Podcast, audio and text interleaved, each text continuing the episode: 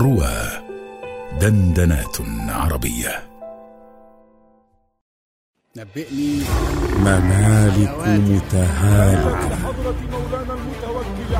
ملوك جبابرة قوانين قاسية حروب عظيمة. ملاحم؟ أتبقى تسمعونها في إلياذة عربية بعنوان الأيام الكبرى. على رواه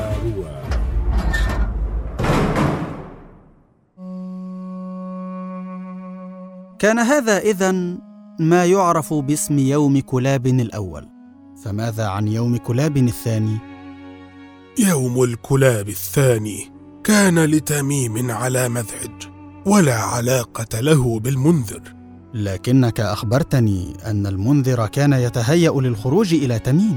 نعم إلى بني بكر خصيصا لأنهم ناصروا سلمة بن الحارث لكنه سيلقاهم عند جبل أوارة. لذلك عرف هذا اليوم بيوم أوارة الأول وسأقص عليك أحداثه الآن. قبل هذا أريد أن أسألك عن شعر أبي حنش. عن أي شيء فيه يا مولاي؟ حين رد على سلمة أحاذر أن أجيئك ثم تحبو حباء أبيك يوم صنيبعات. ما يوم صنيبعات؟ كان للحارث بن عمرو الكندي غلام مسترضع أودعه ديار بني تميم. في منطقة تدعى صنيبعات وفي يوم ترك الغلام وحده فمرت به حية لدغته فمات من فوره فخاف القوم من غضبة الحارث فأرسلوا إليه يعتذرون فأعطاهم الأمان وأمرهم بإحضار جثمان ابنه فأتاه وفد من مئة رجل من خير رجال بكر وتميم يحملون الجثمان لكن الحارث لما أخذ جثمان ابنه غدر بهم وقتلهم جميعا. يا الله يا لها من قسوة. لا تحكم عليهم بحكم اليوم يا مولاي. ما أخذ على الحارث أنه غدر بمن أمنهم لأنه قتلهم. كانت تميم ستعرض عليه الدية وإن لم يقبل لأسلموه غلمانا من عندهم يقتلهم بابنه أو يربيهم. ذلك هو حكم البادية. حسنا أكمل ما فعله المنذر بعدما أقسم أن يبلغ دم بني بكر الحضيض. اشتهر المنذر بكونه غازيا. جل المعارك التي قادها لم يخسرها. وعلم بنو بكر بمسيره إليهم فاستعدوا للقائه.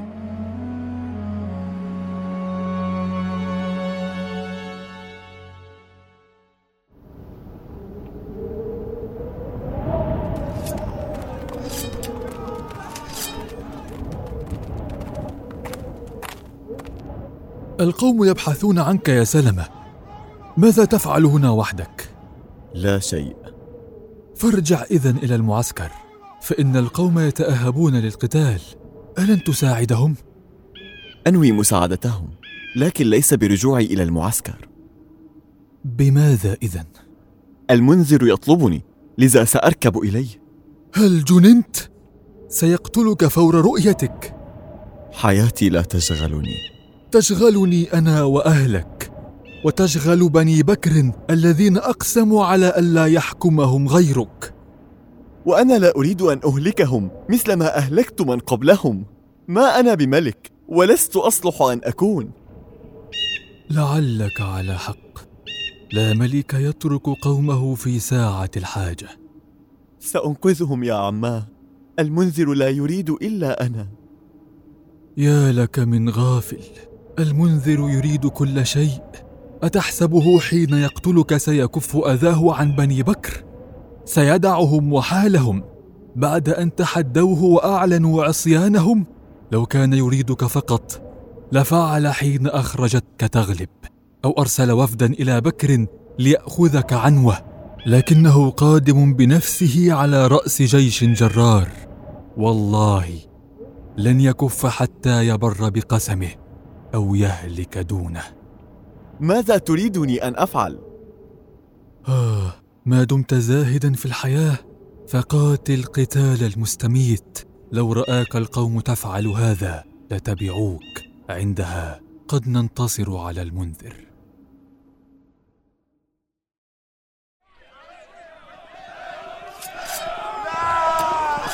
هيا يا رجال طوقوهم. اجعلوهم يتقهقرون إلى الجبل. يكفي هذا. لقد انتصر جيشنا بالفعل. لا ما زال القوم يحملون السيف.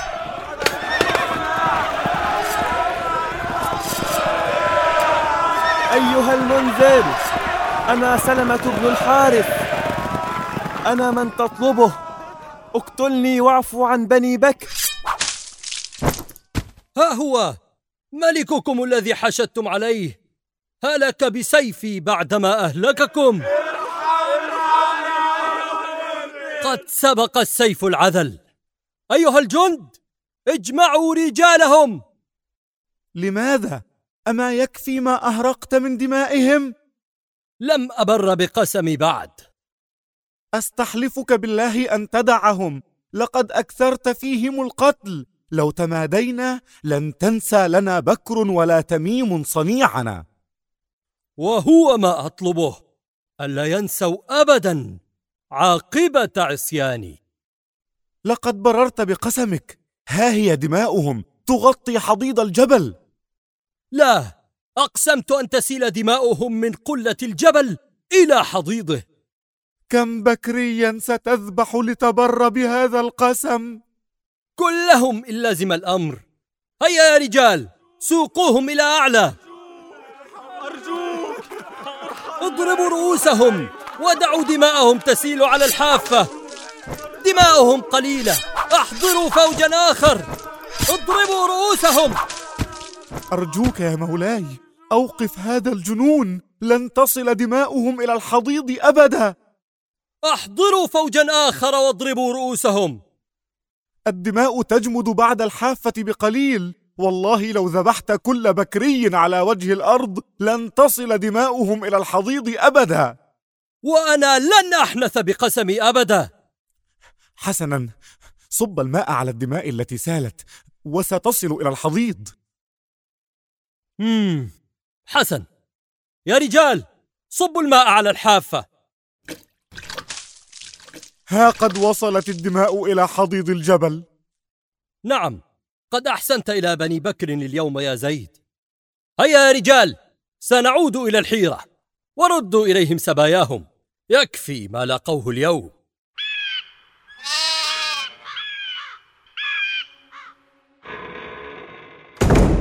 عمت صباحا يا مولاي. عمت صباحا يا زيد. لا تبدو بخير حال منذ أن رجعنا من أوارة أصابتني وعكة بينما نحن في الطريق. وعكة زائلة فيما أردتني. أريد أن أحدثك في شأن الردافة. ما لها؟ لقد مات عتاب بن هرمي اليربوعي. فسم ما شئت من بني اليربوع ليكون مكانه. فقد جاءك وفد منهم ينتظر بالخارج. ولماذا يجب أن يكون منهم؟ ماذا تقصد؟ أقصد أن الرديف يجلس على يمينه ولا يفارق مجلس الملك. أي إنه سيكون معي ومع أولادي من بعدي وبنو اليربوع من تميم ولهم قرابة في بكر. لا أثق بهم بعد فعلتي في أواره فمن للردافه إذن؟ أفكر أن أجعلها للحارث بن بيبة المجاشعي لا أنصحك بهذا لماذا؟ لطالما حسد بنو مجاشع بني اليربوع على مكانتهم إن وكلت إليهم الردافه فهذا سيوغر صدور بني اليربوع عليك فمن للردافة إذن؟ لعتاب ابن يدعى عوفا اجعله رديفا لك. لا هذا غلام حدث السن لا يصلح. كما أن بني مجاشع من بني تميم وهم إخوة لبني اليربوع لن يجدوا غضاضة في ذلك.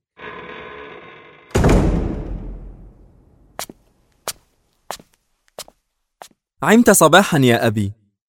عمت صباحا يا مالك. أرى أنك تقلدت سيفك وقوسك. نعم وأريدك أن تأذن لي في الخروج للصيد. إلى أين؟ إلى ديار زرارة بن عدس. عند بني تميم؟ نعم فالظباء هناك كثيرة. يا بني بيني وبين القوم حرب. قد وضعت الحرب أوزارها يا أبي. لكنني لا آمن عليك هناك. لقد تربيت في كنف زرارة. كان هذا منذ زمن. لكن يا أبي. كفى لا تجادلني في الأمر. لن تخرج للصيد. اذهب عني الآن.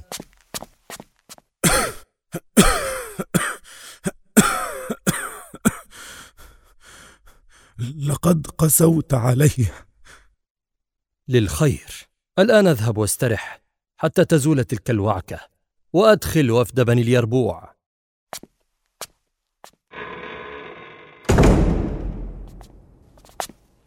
أبيت اللعن أيها الملك. جئناك نمثل بين يديك. لتختار منا رديفك. أنت حاجب بن زرارة أليس كذلك؟ ذاكرة مولاي بخير حال. عهدي بك أنك رجل حكيم وأن الردافة كانت فيكم زمنا حتى مات عتاب له ابن نجيب يدعى عوفة هو صبي حديث السن لم يبلغ بعد. سيربى في كنف مولاي وينشأ على طاعته لا أراه يصلح لهذا الأمر. فمن تراه إذن؟ أرى أن أجعلها للحارث بن بيبة المجاشعي فأعقبوا إخوتكم من بني مجاشع لا حاجة لإخوتنا فيها ولكنهم حسدونا لمكاننا من الملك وعوف بن عتاب على حداثة سنه أحرى بالردافة من الحارث؟ لا والله لن نفعل ولن ندعها أتعارضني يا رجل؟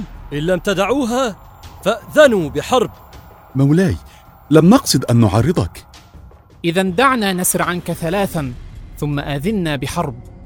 أطبق فمك يا رجل. لك ما أردت لكن حاجبا سيبقى عندي. فإني أكره أن يصيبه سوء.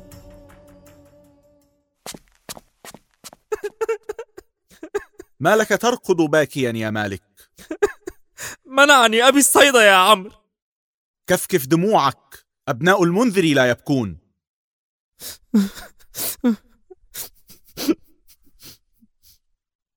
الآن أخبرني إلى أين تريد أن تذهب؟ إلى ديار زرارة بن عدس. تطلب غزلان بني تميم؟ نعم. حسنا خذ فرسي واذهب لكن ارجع إلينا سريعا. حقا. ستدعني أذهب؟ نعم. لن أنسى لك هذا يا عمرو. لا أطيق حتى تصبح أنت الملك. صح لا تقل هذا. أطال الله بقاء أبينا. الآن اذهب قبل أن أغير رأيي.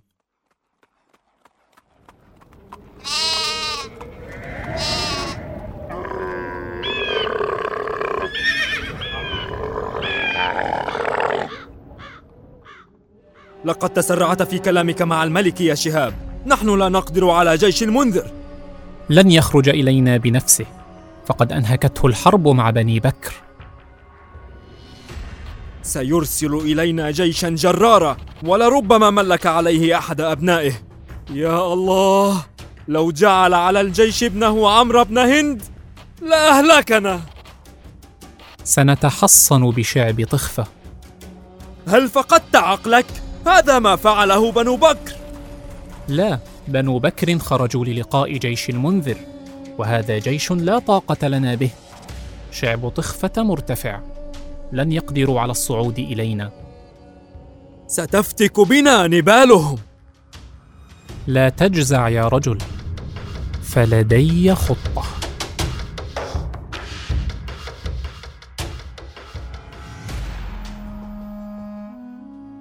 قام بأداء الأدوار في الحلقة بحسب الظهور.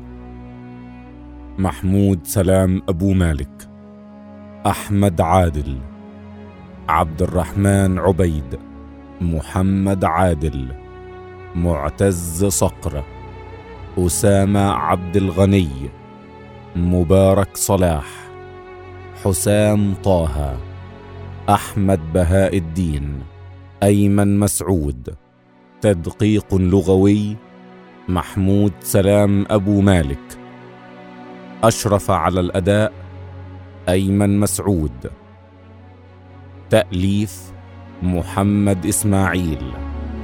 إخراج محمد صالح.